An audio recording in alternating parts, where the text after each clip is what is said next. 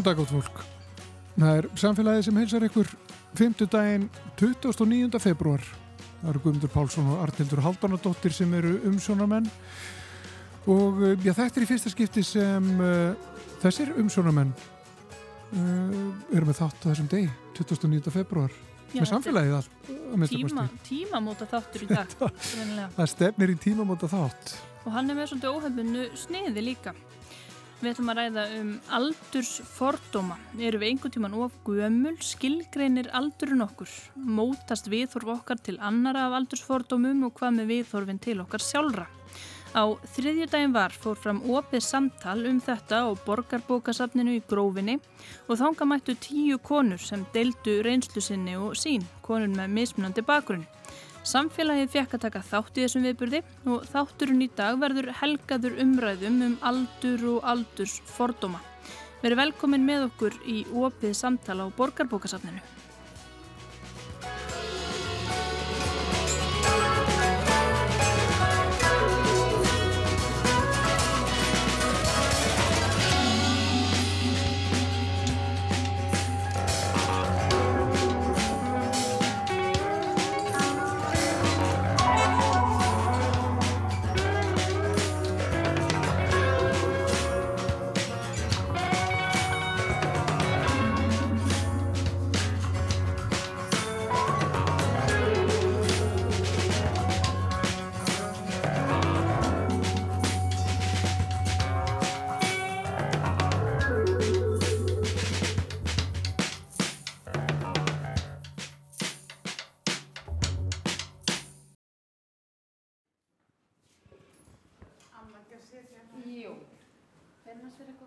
Það er kaffi hérna í bóði og hvað?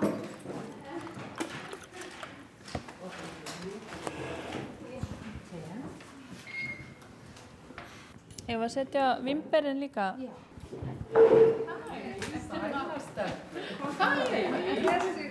Þessi hér, ég heiti Þórey. Þú ert Þórey. Þetta er Þórey Krulla. Þetta er Rífaka Krulla.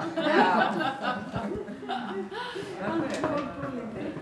Heyrðu, ég vil bara byrja á því að bjóða ykkur hjartanlega velkomnar á Borgarbókasafnið í þetta opna samtal um aldur og aldursfordóma. Ég heiti Dögg Sigmarsdóttir og ég er verkamannstjóri borgaralega þáttöku og hér í dag þá erum við með Arnhildi Haldanadóttur. Hún er með mikrofónin með okkur því hún vil aðeins ná röttum sem að er að deila hugmyndunum aldur, reynslum af aldursfordómum. Og það er ekki eina sem við ætlum að tala um kannski það sem við viljum ekki sjá, heldur líka það sem við viljum sjá, í hvernig samfélagi viljum við búa. En við erum hérna ólíkum aldri, við höfum all aldur, síðast ég var að spurða því hérna hvað ég væri gömul, það myndi ég það ekki. En ég myndi það mjög mikið því ég skræði mig í loftfimleikanámskeið sem ég kann ekkert í og þá sagði ég, kona á 50 aldri skráði sig í loftfimleika, bara þetta er ekki hægt, þetta er stórhættulegt og þetta halda mig heima.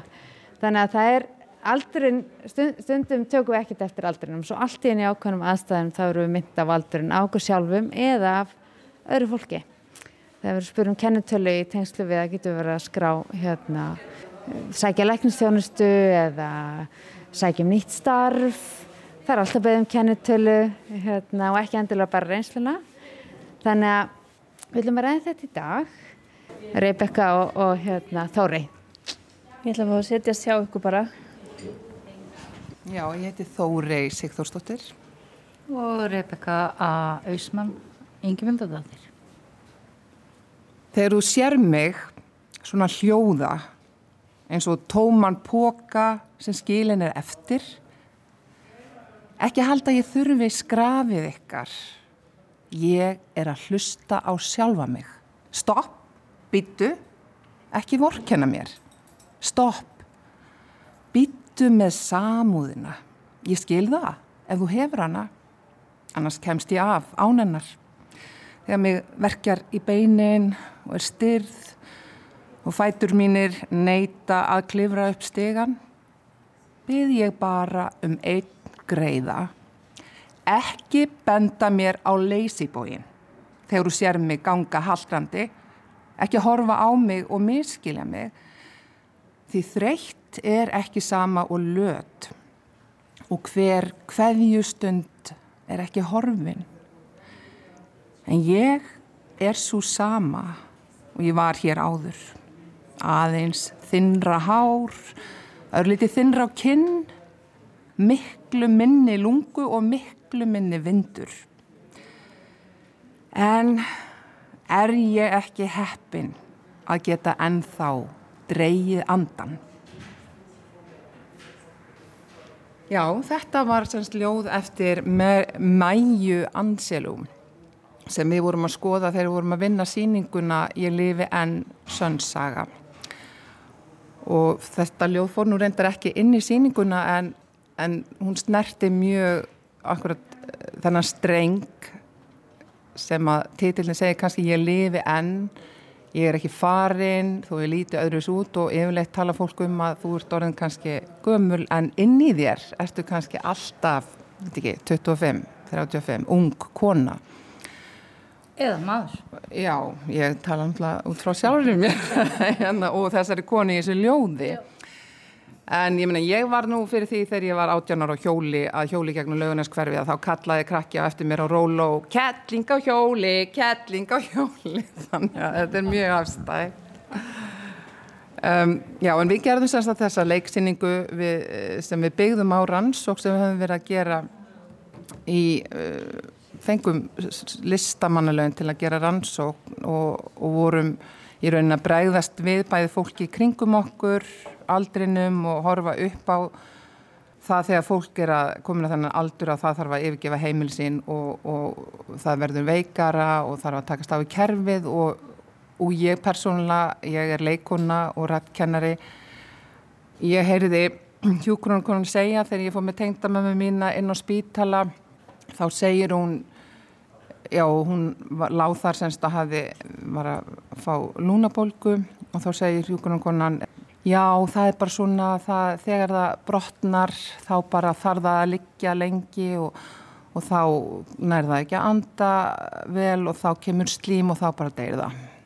Og ég ofslega fekk sjokk. Og, nóta bene, maður er að tala um mannesku í aðstæðum sem eru erfiðar og það er sett það. Og bara það Já. fær mig til þess að ég fara að kvolf bara og þetta 2018 er ég markþjálfanámi þar sem mikill fókus var að vera að setja á unga fólkið, börnin, úlingana, unga fólkið sem á að ná. Það talaði aldrei neitt um eldra fólk að það gæti haft gott af markþjálfun eða það væri hægt að aðstáða að halda við með því að eiga bara mannsamandi samtal um það hvernig kemst ég gegnum daginn eða næstu viku eða hvernig vil ég skila við? Vil ég skila við, hvað ger ég þá? Já og þetta var svona eina þetta er hluti af ástæðin fyrir því af hverju fórum af stað. Fyrst um, semst að undirbúsa síningu og unnum mikið með eldra fólki og fundum hópa konur sem við gáttum vinna með. Ein mítan er svo til dæmis að við, við missum röttina þegar við eldumst. Grunnurinn að góðri ratbetningu er náttúrulega öndun og ég var stóð þarna inn á spítalum og ég kem aftur að því.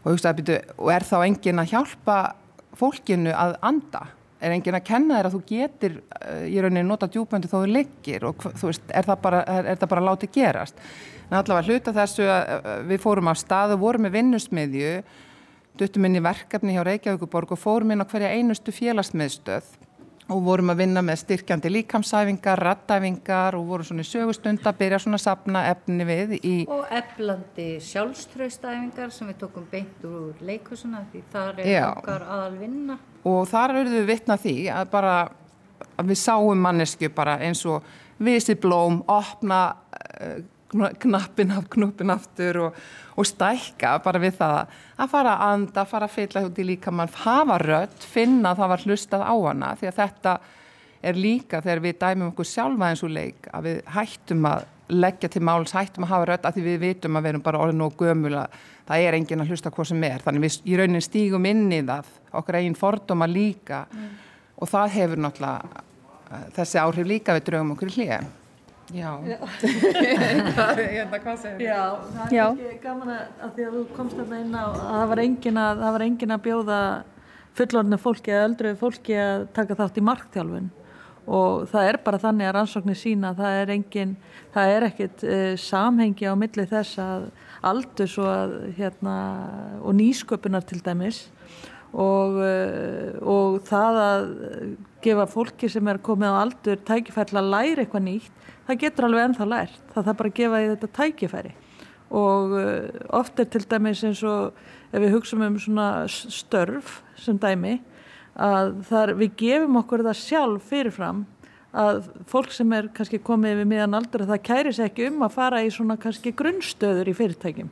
Að það, það vilji bara verða yfirmenn eða stjórnendur eða eitthvað slíkt. Það er bara ekkit endilega þannig, það er oft sem fólk vil kannski jafnvel taka á sér launalækkun eða jafnvel minna starfsleitvall bara til þess að geta stjórna tíma sína betur sjálf, hafa meiri umráði yfir sinn tíma Hér talar ráðgjafi frá virkstarfsendurhefingu, nei, fyrir ekki Ég heiti Harpa Magnúsdóttir frá Húbla. Húbla er fyrirtækið þar sem býðst að taka sér tímabindi verkefni og hlutastörf. Ruggla fólki saman í þetta.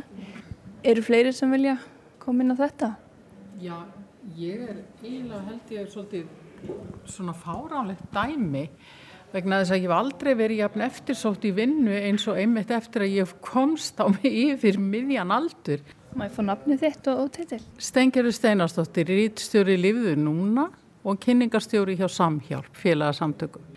Ég sem sagt tók við rítstjórn vikunar þegar ég var orð, komin yfir 50 og þegar að mér var sagt upp störfum þar eftir tíu ára starf þá var hringt í mig og mér var bóðið annað og ég eiginlega sko hlakkaði svolítið til að vera atvinnulegs í smá tíma og, og ætlaði svona að kvíla mig og annað en, en þá kom þetta tækifæri og ég gæti ekki sagt nei. Og svo sem sagt vildi ég fara í hlutastarf þar sem að ég er núverandi starfi. Og þá bauðst mér annar starf þannig ég er aftur komin í fullt starf. Þannig að það er svolítið erfitt fyrir mig að, að tala út frá vinnumarkanum en ég tek alveg undir með þóriðu að ymmið þetta að finna svona ekki ámann hlusta, maður verður svona pínulítið afgangsstærð og þó ég sé kannski ekki endilega það talaði um að þriðja æfiskeiði sé svona um og eftir 60 en svo þegar við erum komin um áttrætt þá hefjist í raun og verið fjórða æfiskeiðið og það er þá sem að fólki er slaufað og það er hægt að hlusta á það. Þannig að maður er kannski ekki endilega farin að finna fyrir þessu en maður finnur svona samt svolítið fyrir því að maður, maður svona fær ekki eins mikið plás í samfélaginu. Það er ekki eins mikið hlusta þegar þú talar. Nú að gera hjá þér. Já.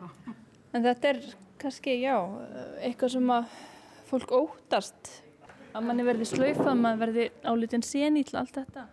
Já, það er örglega þannig en við kannski líka meðum passa okkur á því að tala okkur ekki sjálf niður og það er mjög mikilvægt að við sjálf sem manneskjur gerum það sem við getum gert til þess að fá önnur tækifæri eins og til dæmis hún stengir að tala hérna um, hún bara hafa byðin að ný tækifæri og kannski það til dæmis að hugsa um það ef að þú missir eitt starf að hugsa um það sem atvinnu frelsi en ekki atvinnu leysi þannig er þetta allt í hennu bara komin í nýja stöðu til þess að takast á eitthvað nýtt. Þú haldir áfram að vaksa með aldrinum og því að það er engin ástæði til að láta hugan einhvern veginn fara með mann á einhvern vettvang sem þú vilt ekkert vera á.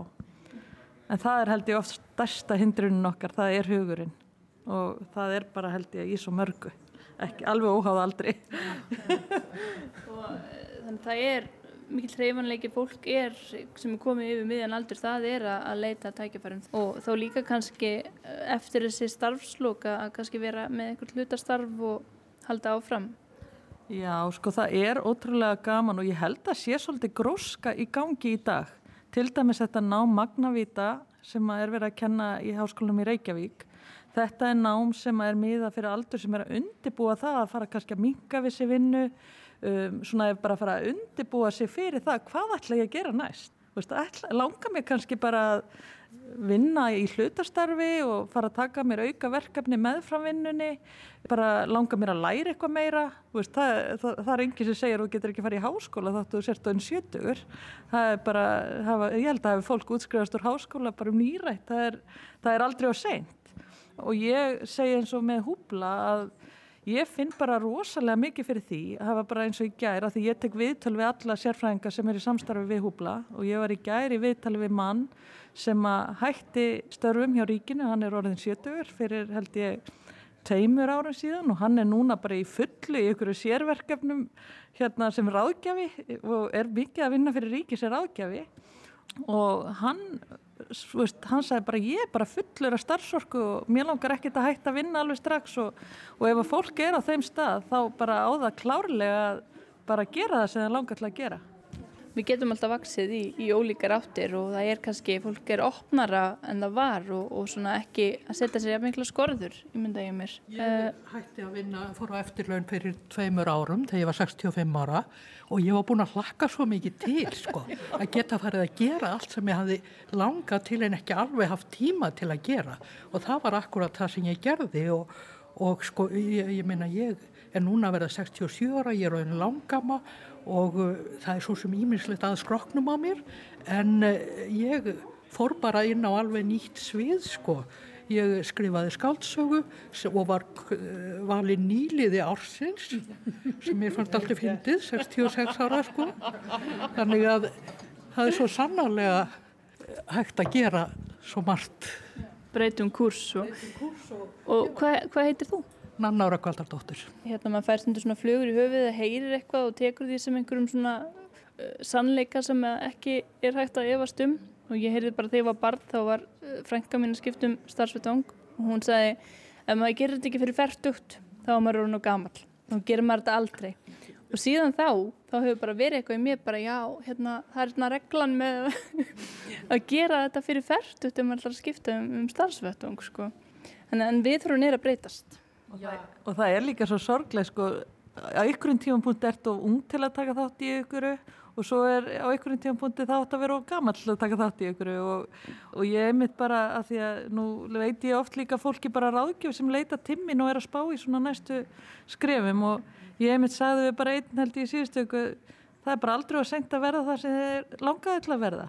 Og gerst nýlið eins og, eins og nanna og hún er bara svo gott dæmi hvað er hægt að vera flóttur fór efer þetta er bara gegja já, já, ég, ég ætlaði svo sem ég ætlaði alltaf að skrifa þegar ég fær eftirlun ég ætlaði að skrifa fleiri matræslubækur sko. en svo var það bara allt annað Erstu ekki bara rétt að byrja? Jú.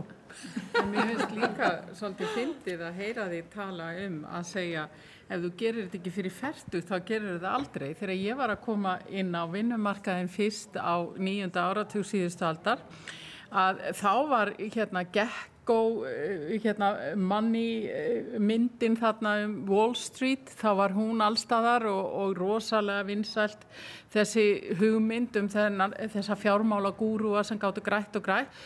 Og þá var alltaf sagt ef þú nærðir, eh, slærði ekki gegn fyrir þrítugt þá nærði því aldrei og e, þannig að ég, ég voru glöð að heyra að það skulle vera hækkað upp í færtum að það skulle þó hafa stækkað um þessi tíu ár þessi sjens sem þú hefur.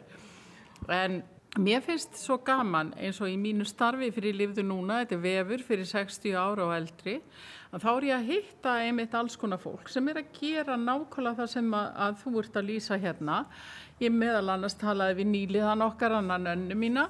Og svo var hérna er ég að heyra fólki sko sem að, að læti draumin rætast og það fyrir að mála og það er að gera alls konar, skapa alls konar list.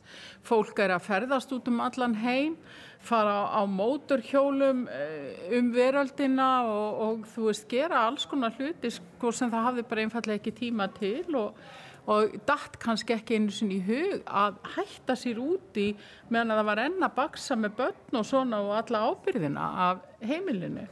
En mér, mér finnst samt sko að það sem þarf svo mikið að gerast núna sko það er einmitt að þessi þjóðfélagshópur hafi svona kannski sterkari rödd og meira vægi af því að, að við höfum þessa tilhengu til þess að ít íta þessu fólki svolítið til hlýðar og þó að ég hafi verið heppin þá þekki ég konur og ávinkonur sem hafa mist vinnuna upp úr miðjum aldri. Og þær gengur kannski atvinnuleysar í fleiri, fleiri ár. Konur með mikla reynslu og mikið að gefa og mikla þekkingu. Og einmitt þar kemur þetta sem þú varst að tala um að atvinnureikandu kannski hugsaðu með sér það þýðir ekkert að bjóða henni skrifstofustarf, hún er bara stjórnandi af því að þær höfðu reynslu af því.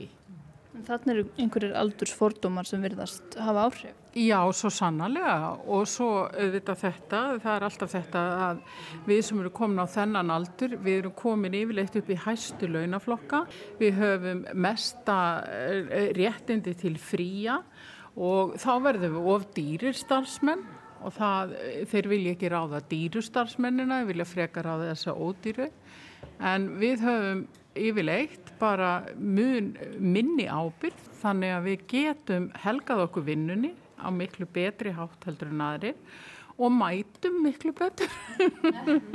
Kolbrún, vill þú segja eitthvað um, um hvernig er að vera á þessum aldri innan gæsalappa? Já, ég heiti Kolbrún Linda Ísleifsdóttir. Ég fór í háskólanám 30, eða 28 nýjára og ég man eftir að það var einn stúlka sem með, með bekk á fyrsta ári, henn, hún taldi þörfa að segja að ég væri svo erð mm. og ég var svo erð, erð, það notaði gammalt fólk. En svo hef ég verið annað, bara gengið, ég þurfti nú að hætta að vinna 50 út af veikindum og hef verið ekki, ég saði að vildaldir nota orðið öryrki, heldur langvei gamma en nú er ég orðin eldri borgari og ég bara nýt þess að vera ég hugsa bara maður vil viðhalda heila starfsamni og ég fyrir mikið á tónleika og ég fyrir mikið á fræðslu og rapp og hitt á fólk og, og lesa og kaupa bækur. En ég viðkenni það ég, þegar ég, ég vann sem laðmar, ég vildi freka ráða ungd fólk í starf heldur gammalt, einmitt út af þessu. Það er herri launir, lengli lífeyrisréttindi og það er vísu eru örgari starfsmenn, konur eldri heldur en ungar mæður sem fyrir vei, veikindarleifum en, en ég vildi frekar ráða sem sagt yngra fólki starf. Myndur þú hugsa öðruvísi núna? Ég, ég er ekki vissu um það. En það er líka kannski ágætt að segja sko að að eldri, eldri starfsmenn þeir eru oft búin að hérna, tilenga sér svona kannski ákveðin, ákveðin þroski sem það hafa. Og það að hafa fjölbreytnan starfsmannahóp og ef þetta er stór fyrirtæki þá þetta viltu hafa fjölbreytni. Það er kannski, þú er kannski með, ef þú ert með lítið fyrirtæki þá kannski viltu hafa eitthvað, eitthvað fólk sem getur tala saman og er á sömu nótum og það verður oft kannski meira einsleikni kannski þannig. En í starri fyrirtækjum þá græða fyrirtæki gríðarlega mikið á fjölbreytninni. Og það á við hvort sem það er aldur ykkur er aðra breytur hvort sem það er kyn, kynneigð eða annað sem að gera það verkum að það kemst svona fjölbreytni í skoðanaskiptin. Þannig verður til nýsköpun þannig verður til framfarir og veist, ég segi bara að ná sem breyðistum alduri, það er ávinningur. Eh, það sem ég skil ekki í samfélaginu okkar í dag er að hlutir eins og virðing og reist og samkend að það sé svona lítið til afinni að það að ég sem manneska yfir 50 hitti bara minn aldurshóp, ekki eldri og ekki yngri nema ég væri að kenna eitthvað staðar. Mér finnst það svo sorglegt og algjörlega út í kú að við skiljum vera með það samfélagi í dag. Og ég sakna þess og við tókum eftir ef við gerðum verkið hérna leikverki okkar. Í lifi enn, það var yngsti 25 og eldsti var hvað, 89 mm -hmm. og bara maður sá það á hverjum degi, æfingum og þegar vorum að sína hvað það gaf öllum, hvað mikil breytt og færni í allan og aldursópin kom þegar þetta var svona þvert að við vorum að vinna saman. Þetta var ekki tebóð og kaffibóð. Við vorum að vinna saman. Og þá sáum við hvað þetta var rosalega inspirandi fyrir allan alla þess að breytt í aldri. Allar kynnslóðir Ég lendi nýlega í samtali um ungt fólk það sem að eh, einhver hafði verið vittnað samskiptum og þetta er vonandi hljóð mikið eins og fordómar en við vorum að tala um hvernig tungumáli var að breytast og ég kenni til dæmis e, bæði í listaháskóla og kveikmyndaháskólanum og þannig er reglulega með ungu fólki þar. Og maður heyri bara bæði er, er maður að útskýra orð sem maður heldur að allir skilji, uh, ekki bara flókin ljóðræn orð heldur stundum eru bara svona förðulega einföld orð sem að þau kveika ekki á. Og einhver sem ég var að tala um daginn hafi verið vittnað svona löngu samtali hjá ungu fólki þess að þau voru bara með alls konar beigingar og, og svona uh, voru að nota tungumáli á þann hátt að við vorum bara að ræða bara er tungumáli alveg að breyta svona mikið og fórum síðan að hugsa já ungt fólk er mest megnis með hvort, þau skildu allt hvort annað, skilur við. Það er eins og að verða einhver stökkbreyting og þá fór ég að hugsa einmitt um það að því við ferðumst bara svolítið, lifum í þessum aldursbóksum að, að þetta sem einhver, einhverju sinni þegar kynsluðunar byggu í miklu meira nær samfélagi hittust og töluðu saman og það var tími til þess, jáfnveil að fóreldur töluðu saman og af og amma og þetta er bara hverfandi, það er allir í ert alltaf með sama aldurs og það er eins og þau séu bara að, að núna, með, með einhvað ungt fólki, að, að þróa nýtt tungumál. Þannig að þegar við erum að tala um svona aðskilnað, ólíkra hópa í samfélaginu, mm. þá er þetta kannski svolítið aldurstengdara en, höfum, sem, en hefur verið í umræðinni. Já. Það séu svona aldursbúblur og, og vandi upp á tengslinu samskiptin mm -hmm. milli aldurshópa fangana, þú veist, hvar hittast og hvar gætu við hiss ekki bara fermingin. Nei, nei, nei. en þú veist og það finnst mér alveg bara sjálfsagt að við uh, sameiginlega förum öll á hugaflug með það þú veist, hvers, hvernig vettfangu getur það verið og hvar og, og, og svo leiðis já, brjóta þessu aldurspöblur Þá komum við líka að þessu tungumáli sem að unga fólkið á sem við eigum ekki. Og það er þessi tják Ég þór ekki fyrir mig litla líf að senda fólki eppli eða, eða eitthvað þegar saklaust eggaldin getur breyst í einhver tilbóð eða eitthvað dónalegt. Að já, já, já, já, já, já þetta, þetta, það er vist svo leiðis hvað ég veit ekkert hvaða skilabóð ég er að senda. Ég myndi ekki líka Ég, hérna, ég sérst kem frá virk starfsendurhauðgasjóði, ég heiti Björk. Mér finnst það mjög áhugaverð umræða og hérna sérstaklega ljósi þess að við erum að fá fólk í starfsendurhæfingu á öllum aldri og, og, hérna, og mér finnst það mjög áhugavert að fá, fá, fá fólk til mín með hilsubröðst í fyrstu viðtöl og það er að skiptum starfsvettvang þar sem það kannski getur ekki unni við ákveðin störu vegna hilsubröðst að, að það er svona hjá því sjálfu uh, stundum, ekki alltaf búið ákveða svolítið, þú veist, ekki, þú veist, ég er ekkert að fara hérna á vinnumarkaðin, sér eru kennetöluna mína. Að koma svo hérna fólki og, og, og við höfum stutt fólk sem er komið á ellilíferi út á vinnumarkaðin er svo dásanlegt að það sem að maður sér að kannski svona, þú veist, ef fólk fer með svolítið opnum huga, þú veist, tilbúið að, að bara, heyrðu, ég ætla bara að sjá hvað get ég, þú veist, og hvernig ætla ég að gera það, ég er tilbúin í bara alls konar störf. Að það er svona opnar ímsa leiðir þannig að, að veist, ég hef útskrifað eldri borgara í hlutastarf og auðvitað myndi ég vilja fleiri hlutastarf í bóði það, það er ekki sjálfgefið að hérna hversu mikið að gefa fólki. Að því að fólk ofta ekki aldrei kannski komið með meiri, meiri sveianleika og þá er svo mikilvægt fyrir fólk að, hérna, að vera í rútinu og virkni og, og hérna og auðvitað náttúrulega bara þú veist það er kannski líka svolítið aðtunu lífið að spila með en, en mest, já, mest svona, ég held að það þurfi svolítið að vinna með fólki sjálft og þeirra eigin fordama. Af því að við höfum öll eitthvað að gefa og það er einmitt svo dásanlegt að sjá vinnustæði sem eru með bara öll aldurskeiðin að hver tekur, veist, frá hverjum smá þarna, smá þarna.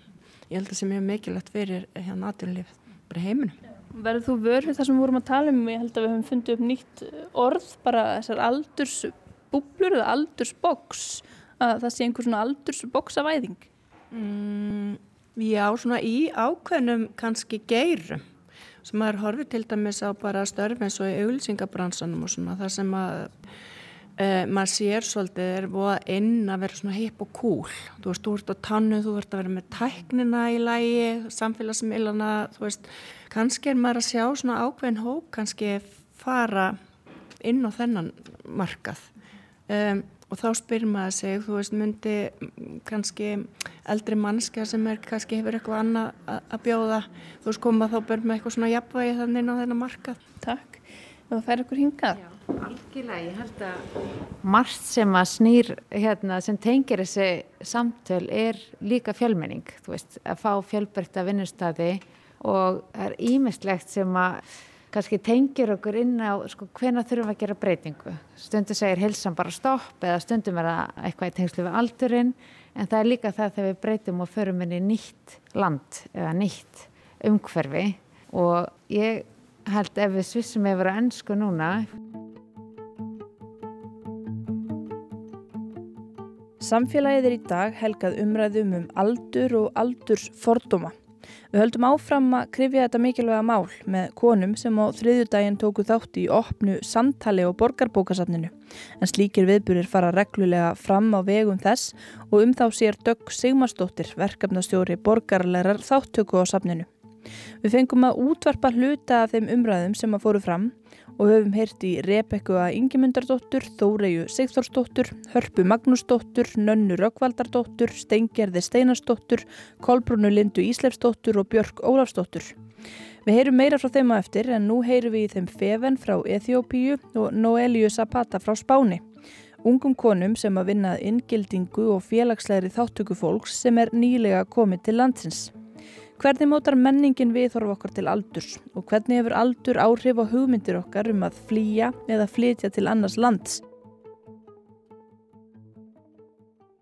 And I'm going to switch into English now. Uh, we have here Feven and Noelia. How do you experience age in this type of work of uh, social inclusion? My name is Noelia.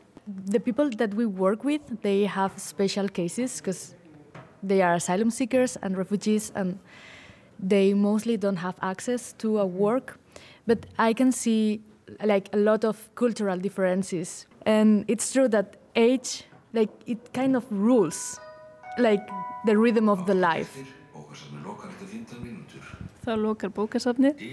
Við höldum bara áfram svo Fáum að vera We get to stay longer than the, the opening hours. Yes.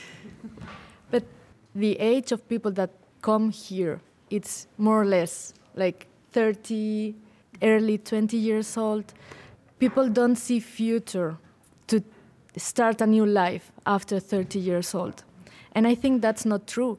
Noelia segir að fólk sem að kemur yngað og er komið við þrítugt segju ofta að það sjá ekki framtíð, að það sjá gamalt til að byrja upp á nýtt í nýju landi en nokkur mánuðum síðar þá komið það sjálfu sér á óvart, tæki framförum í að læra íslensku og ennsku, sé komið með betri íslensku kunnáttu en nóalíja sjálf. Við getum svo margt og svo oft er það við sjálf sem að setjum okkur skorður, segir hún. Sometimes it's ourselves who like, put limits on, on what can we do and what we can. Feven tekur við. Hún segir augljóst að aldursfordómar séu nattrænt fyrirbæri en byrtingamindirnar mismunandi eftir menningarheimu. My name is Feven. It has been really a great opportunity to meet up with uh, uh, fellow women uh, from different uh, uh, backgrounds. Uh, so I got the point that this is a very global issue. I, I do believe each uh, age level has its own beauty and challenge. If you are a child, you, you have a very beautiful flavor. At the same time, there is a challenge of being a child. When you are young... Hún talar um blæbreyði aldurs, fegurð og áskoranir hvers aldurs skeiðs. Hver kynsluð hafi sínar skildur til þess að tryggja samfellu, að viska hérna eldri skilir sér áfram til næstu kynsluða og þarfir allra í samfélaginu séu uppfæltar. Á sama tíma þurfa að brjóta upp aldurstegndar staðalýmyndir sem seti fólki skorður og vald ebla hvert aldurskeið. Þá minnir hún á að heilsan geti alltaf brúðist fólki á hvaða aldurskeiði sem er. Stenggerður laði orði belg og kom með dæmum tvo afganska menn á nýraðisaldri sem flúðu talibanastjórnina allaleg þinga til Íslands og vinna fjóra tíma á dag í eldhúsi samhjálpar. Segir að það sé hægt að byrja upp og nýtt á hvaða aldri sem er. We have an 82 year old and an 84 year old working uh, for uh, four hours a day trying to give back to society. Yeah, that's very interesting. I, I meant that that's the message that I that I get from some people. Yeah. It's not, of course, I think every age is good to start again. Even though, for example, now I'm 25 years old and I have this pressure of when are, when are you going to settle down? You know, my family is asking Við tekur umræða á ennsku um samfélagslegan þrýsting á konur, aldurstengtan, að á ákveðnum aldri sé gert ráð fyrir því að konur festi ráðsitt og stopni fjölskyldu. Noelia sem er 25 ára segir að skilabóðin séu þau að á ákveðnum aldri eigi hún að hætta að flytjast á milli landa, koma heim og tilfinningin svo að eftir það væri ekki eftir snúið. Þetta sé glukki sem að lokist einfallega. Feven talar um að eftir 13 ára aldur fari samfélagið ofta skilgrina hlutverk kvenna út frá aldrinum.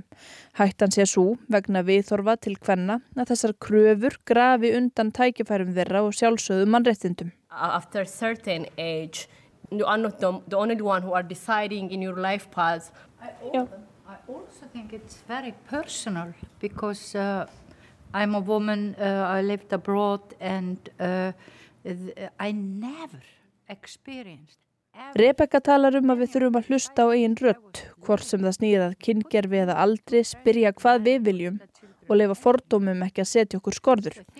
En Feven bendir á að kynbundin félagsmótun geti haft áhrif á hugmyndir fólks um hvaða vill og getur orðið.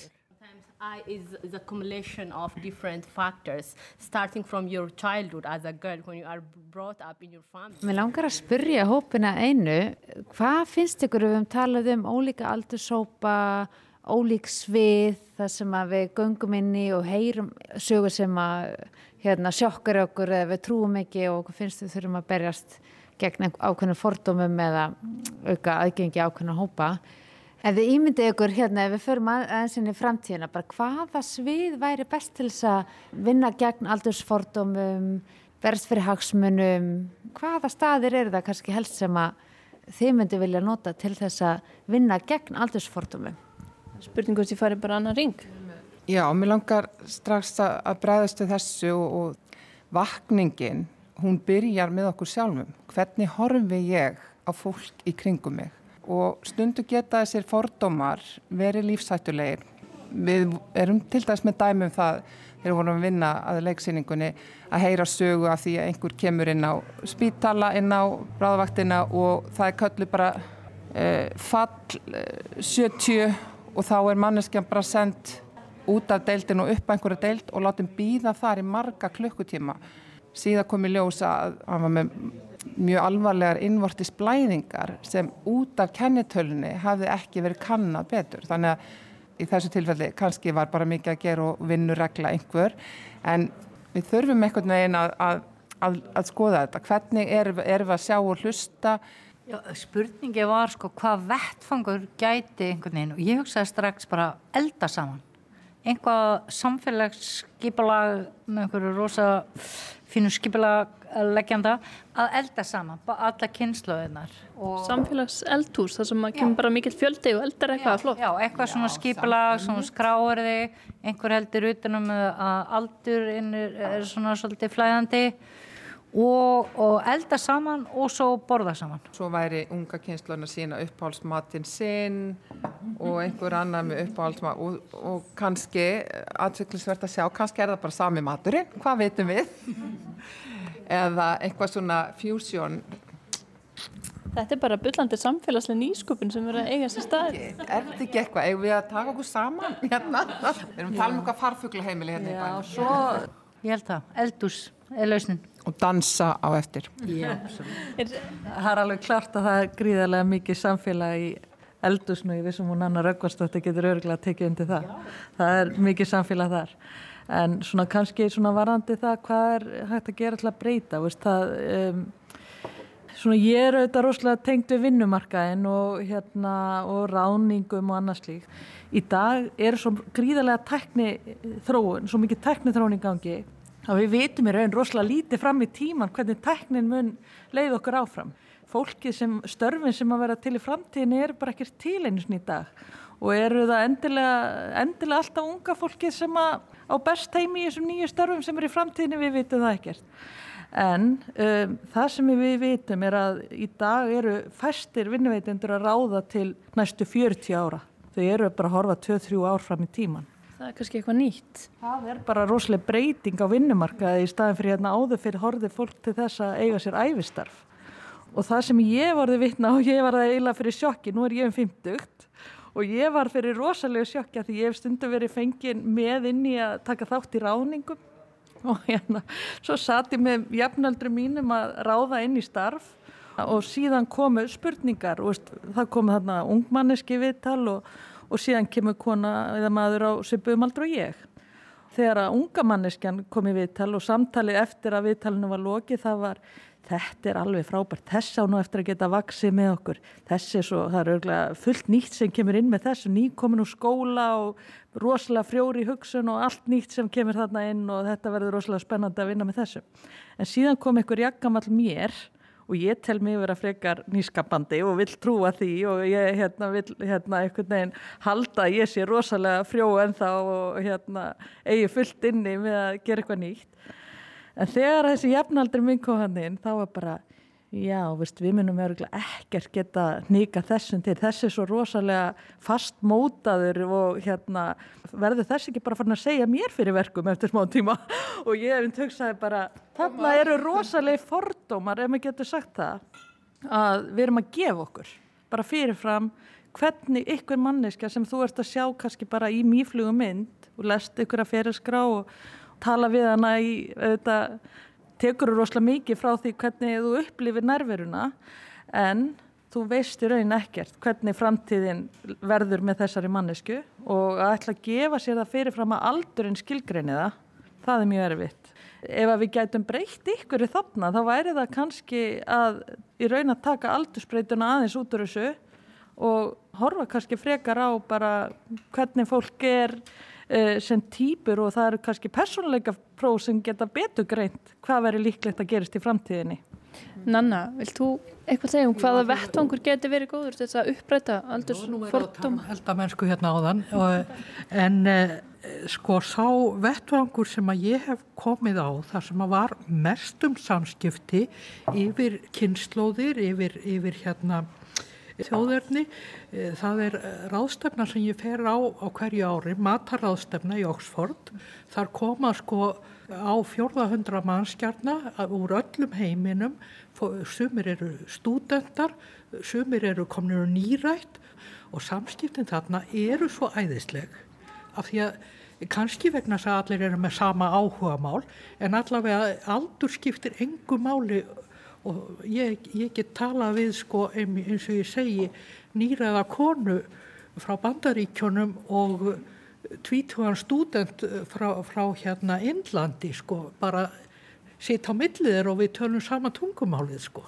Er þetta ekki bara einmitt spurning um að það séu fleiri slíki vettvangar og veist ekki endilega á alheimsvísu, kannski er það bara á landsvísu mm -hmm. veist, sem þarf að uh, bara tengja fólk betur saman uh, af Eh, ekki bara aldur, veist, við, við vitum það að þekking eh, leysir eh, á brott fordóma, hvort sem að það er í garda aldurs eða bakgrunns eða þjóðernis eða annað. Heyrði, já, mér longaði bara að deila örsögu. Ég bjóð 20 ár erlendis og þegar ég byrja að fara út þá er það til Tjakklands fyrir byltingu 89 og það sem er, er svo minnistætt að því komana algjörlega þekkt engan og inn í þeirra samfélag þá voru óleika týpur sem tókuði að sér að spörja mig um mín áhugamál og mínar áherslur. Þessi manneskja sem hlustaði svo fann einhverjan annan aðila í sínu nærumhverfi og kom á fundi með okkur.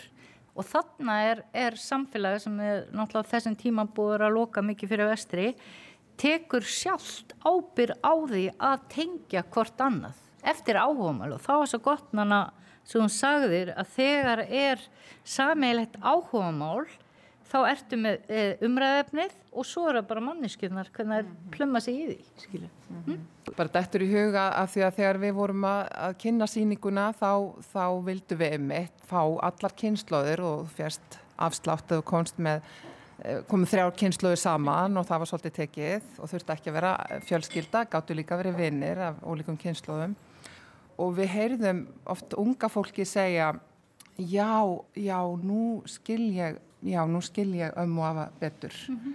og það komið meiri vettvangur fyrir þau til að hafa samskipti og maður sá svona Já, umræðinni líka. Já, umræðinni og gleði einhvern veginn yfir að, yfir að fá þessa einsýn. Leikúsið sem sagt er einn vettvangur. Leikúsið er einn vettvangur. Ég tel það alveg ómissandi í að vinna gegn aldursfordumum að til þess að hafa hugreiki, til þess að skilgjana sér sjálfur. Hvernig þú vilt vera sem mamma, hvernig þú vilt vera sem eiginkona eða kærasta eða maki eða uh, systur, eða, systir eða amma eða starfskraftur eða yfirmaður eða hvort sem þú sjálfstæðstarfandi eða annað að hvers skipti sem þú rekst á vegg og þessar býtu, oh, ok, ég hérna hafi ekki séð þetta svona fyrir mér. Að þú hugsir, ok, þetta er kannski bara tímabil og hluti að því að fá kraft til að skilgrenna sér sjálfa, þá tel ég bara algjörl ómissandi að þú finnir samfélag þar sem getur rætt ofinskátt um þína reynslu. Því að þú sittur ein eða eitt eða einn með það sem þú ert að upplifa þá er kannski líkur að því og festist í einhverjum svona fasa.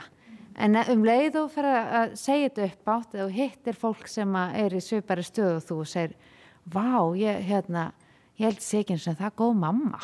Og þá hérna spyr kannski einhver, akkur heldur það? Þá segir maður upp að já, æ, þetta var hérna út af þessu, já, elska mín. Þetta kom fyrir mig gær. Þetta er ekkert mál, það er alltaf leið með barnið mitt sko, eða þú veist þar er ég ekki að brjóst, þar er ég ekki að brjóst? Eða þar er ég að, ef maður langar að gifta mig langar ekki að vera brúðir, já það er allt í leið þú veist það þarf alltaf samfélag til að styðja þig í hverju hérna einasta fasa sem þetta og þú vitir, þetta er bara tímabil. Það er kjarnað hjá þér og mm. flott. Ég bara segi takk. Það er, það, er líka, það er líka það eina sem við getum stjórnað það eru við sjálf eins og hún segir með svona þetta er allt þroski sem þú tekur í gegnum allt. Það sem ég er í dag, það er allt því sem ég gerði í gær og hinn. Ég heyrði einhvern tíman hérna, vitnaði Jennifer Aniston og hún sagði sko ég er, hún var röglega að vera 50, hún sagði ég er ekki bara 50, ég er líka 49 ára, ég er líka 30 ára, ég er líka 11 ára, ég er líka 6 ára. Þannig að við erum kannski alltaf allur, aldurinn, allur pakkin, allt í senn. Að því við vorum að tala um hvaða vettvangur ég held að einmitt við getum ekki hort á einn vettvang heldur vakningu á mörgum vettvangum að horfa upp á nýtt taka eftir við í okkar ferðalagi í undirbúningu síningarinnar þá stóðum við okkur ofta að því sjálfar bara alveg ó, já, hvernig var ég að tala við þessa konu núna, fullordu hérna, já, eigum við eða þú veist, næstum því, ég segi ekki, þú veist, að maður svona setti sér einhverja stellingar. Jæja, Jóna mínu, skulum Næstum því, alveg þá áttina um doldi falið, en við svona já, uh, þetta þarna, skilur við, þannig að maður fatti það, að því að fordómar eru mjög mikið af því að maður gerir eitthvað óhugsað eitthvað sem er búið að prenta inn í samfélagi þú sagði þekkingin eigðir fordómum og það er algjörlega það þekkingin og meðvitundin að átta sig á því byrju þegar ég gerir svona og þegar ég segja þetta svona og þegar ég afgreði þennan svona það eru fordómar. Ég líka bara eins og því að hafi allar verið að segja eitthvað neginn að þú veist að staldra við og bara hvernig er ég að hlusta á hvern sé ég hvað vil ég gefa þessu mómenti? Í staðan fyrir bara já já jóna mín er ekki nú að fara já. fram. Það er manneskja fyrir fram að þig með hjarta og einhvern veginn að virða þar, það kemur þetta að sjá reysnin, að sjá vinning og sjá þetta stórkostlega í hverri mannesku, hvort sem það er lítið batn eða gömul konu og allt þar á milli. Og, bara, og það er það sem talum um þetta þegar við svona ómeð þetta rennum í gegnum daginn og tökum ekki eftir hvað við segjum og hvernig við hegðum okkur. Og, og þá er spurning hvar kveikju við þessa meðvitund? Meðal annars með svona samtali, við munum alla fara heim og það verður svona gáru áhrif einhver starra sem við förum og það breytir einhverju hugsun og allt innum sér einhverju mannesku fyrir fram að upp á nýtt. Hmm, hvað ætla þessi manneski að hafa verið gerið öll þessi ár? Og missa ekki af því að spyrja og, og forvitnast um annað fólk og allar sögurnar og... vera forvitin um líf og reynslu fólks. Er þetta að meina að forvitnin hafi ekki drippið kötti að kötti koma nú bara áfram Já, já. Hérna, nei, mér er svo áhugavert einmitt með hérna vettvangin og veist að hérna ég myndi einmitt bara vilja sjá fólk í, á þeim vettvang þar sem áhugamálinn liggja. En eitt sem að ég glemt að nefna á hann og mér langaði svolítið að því að við höfum svolítið verið með fókus á aldur og, og vinnumarkaðin að hérna að sumstaðar hefur það verið tekið upp og ég myndi vilja sjá það hér að til dæmis þegar fólk er ferilskrá þú veist að þá er það ekki, þá kennitalin ekki ferilskráni, það er ekki mynd, það er ekki nafn, þú ert í raun að veru bara einstaklingum með okkurna reynslu og mentun og það sem þú ert búin að gera. Þannig myndi ég vilja svona svolítið sjá og rannsaka vinnumarkaðin, þú veist, þegar fólk, vinnumarkaðin fær svona ferilskrár eru þá kannski, er allur aldur að fá meir, fleiri tækifæri? Eitt sem ég myndi vilja spyrja það í þig að uh, í tengslum við uh, aldur og kyn og það að það er engir kallar sem ákveða að koma hérna í, í dag heldur þú að aldurinn setji konum þrengri skorður er það þín upplifun uh, í þínu starfi hjá, hjá virka við svona eigum meiri hagsmuna að gæta þegar kemur að því að eldast og því að vera á einhverjum aldri? Já, ég hef með spurðir samstagskonur mínar að því ég hef ekki séð einar hérna svona tölulegar upplýsingar um kyn eða aldur og, og endur komið til vinnu. Og ég fór að spurja svona samstagskonur mínar um, taldu konur að hérna svona hver þeirra upplifun væri á fólki sem er að nálgast eftir launaldurinn og er að sækja eftir út á vinnumarkaða og það nefndu nokkrar, þú veist, að, að er upplifðu að konur sem að, þú veist, koma og eru komnar á x aldur, að það eru, þetta er ekki neitt tölfræðilegt, að það eru líkleri til að segja, þú veist, að kennitalan þeirra segja ónýtt, skiljiði, umfram kallmenn, en kannski er það, þú veist, að, að það er, er hlutfars, eru hlutfarslega fleiri konur á kominu verk En, hérna, en mér finnst þetta mjög áhugavert, veist, eru við konur að setja meiri gröfur á okkur en kallar? Þú veist, við erum búin að fara mjög víða marga pælingar í þessu en ég held að mörguleiti þá setja, já, kannski það sem okkur vantar er þessi sko tenging við fólk, þú veist, þá standir ekki einn. Ég held að það skiptir máli og eins og segi, hérna, veist, hver ber ábyrðaði að tengja? Við reynum að gera þetta borgarbókasafnu og við hefum verið með alls konar verkefni. En eins og hérna þetta opið samtal þá er oft hérna kannski freka þau sem bara er sérstaklega bóðið sem koma. Það er erfitt að fá fólk bara til þess að vera með. Þú veist það er kannski bara þægilega að sitta heima og hérna fyrir fram sjónspið eða eitthvað. Veist það er þægilega og það krefst þess að mæta eitthvað og taka þátt í samtali. Og það sem við erum að leggja ásla núna eru hérna piknik, lautarferðir á bókusafnu Þannig að við erum svona hérna að vinna, þú veist, áfram með þetta því að það er, þú veist, störfin er að breytast og við erum ekkit endilega öll að fara að mæta einhvern einn hérna vinnustad alla daga á eh, svipum tíma heldur fyrir kannski meira yfir í svona tímabundin verkefni og annað eða bara jábel borgarlaun og þá er spurning, þú veist, hvaða staði höfum við þá sem sinna þessum félagslegu þörfum? Það er ekki vinnustadanum og það er kannski ekki endilega í skólanum, kannski er þetta bara að fara hérna, meira einstaklingsneiðinari hérna, mentun að þú veist, við viljum reyna að tengja fólk þvert á kynnslóðir. Svo, svo, svo ég hérna, skjáldi mig gangvart eigin fordómum, en kannski sko að því að yngra fólk er alltaf svo busy í dag að hugsa um sín eigin börn og, hérna, og hefur kannski minni tíma til að fara og heimsækja fóröldra sína og og annað þó sem ég ætla ekki að gefa það sé algilt þannig en þetta eru mínu fordumar en kannski er það þannig.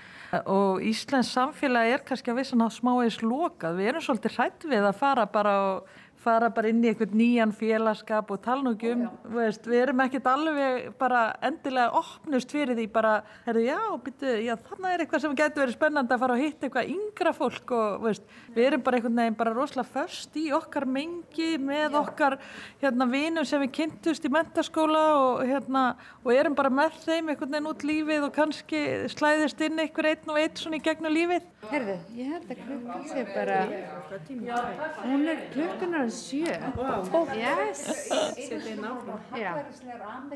ég verð líka að segja eitt varðan þessa síningu því um leið og þetta er uh, leikarætni voru e, eldri og, og kórin er eldri það sem var svo brilljant eftir síningun það var svona ó, þetta var ekki svona gamaldags. Ég bara þetta nú er þetta um gamalt fólk.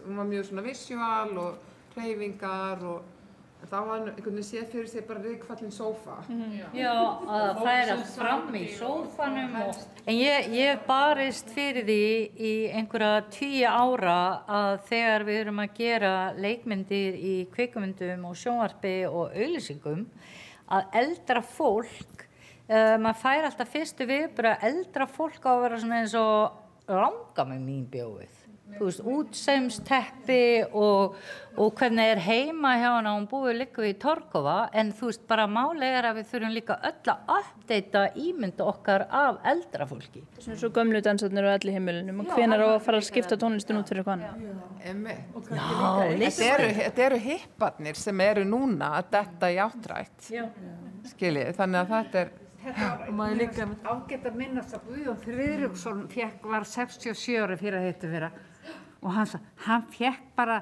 ábendingar um eldri borgara dansleik, harmoník og dansleikar hann sagði, ég er á Deep Purple og Led Zeppelin kynnslóðinni Guðjón er 75 eða eitthvað svona Guðjón er orðið 70 Já og við þurfum bara að hugsa líka um það að fólk er bara miklu hressara, miklu lengra lengur, veist, ég menna maður minn talaði um það, hann var að hérna var upp á esjun og það var einn hérna á aftræðisaldri sem hljópt tvísasinu fram hjá honum og veist, þetta er bara gjör ólíkt Ég þykki nú ekki mjög langamuleg sko.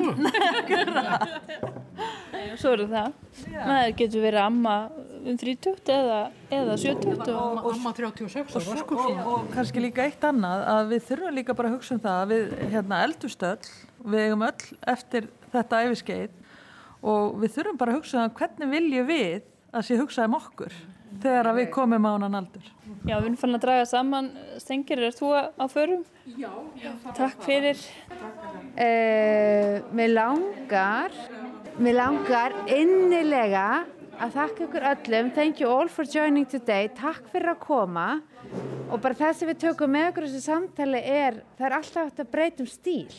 Já. Þú getur endur skilgrænt sjálf með þig á hvaða aldurskeið sem er. Skora þessa innri fordóma og svona, skora þá svolítið á hólm og lefa það ekki að skilgræna sig. Algjörlega og þegar maður mætir hérna, fordómum eða það mætir hindrunum, hugsa þetta, þetta er bara tímabilið það er bara að fá fleiri með mér í lið til að komast yfir þetta og saman þá erum við kannski það opnara samfélag fyrir vikið. Takk fyrir að koma, takk fyrir að taka þátt. Þá er þetta bara að klárast hérna borgarbókarsafninu grófin í Reykjavík.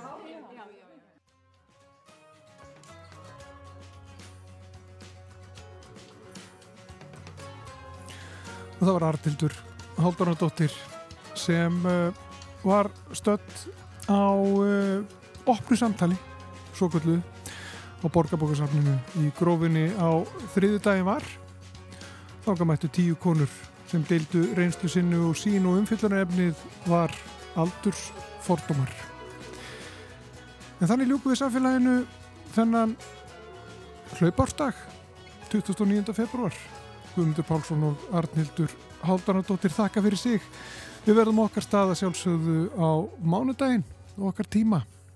Heyrust á, njótið helgarnar, verið sæl. Nei, nei, nei, nei, nei, nei. Ég þarf að byggast afsökunar á þessu, það er 50 dagur. Svo ég láta eins og þessi förstu dagur. Þannig að ég sé njótiði förstu dagsins og þess sem eftir er á 50 daginum. Heyrust á morgun, verið sæl.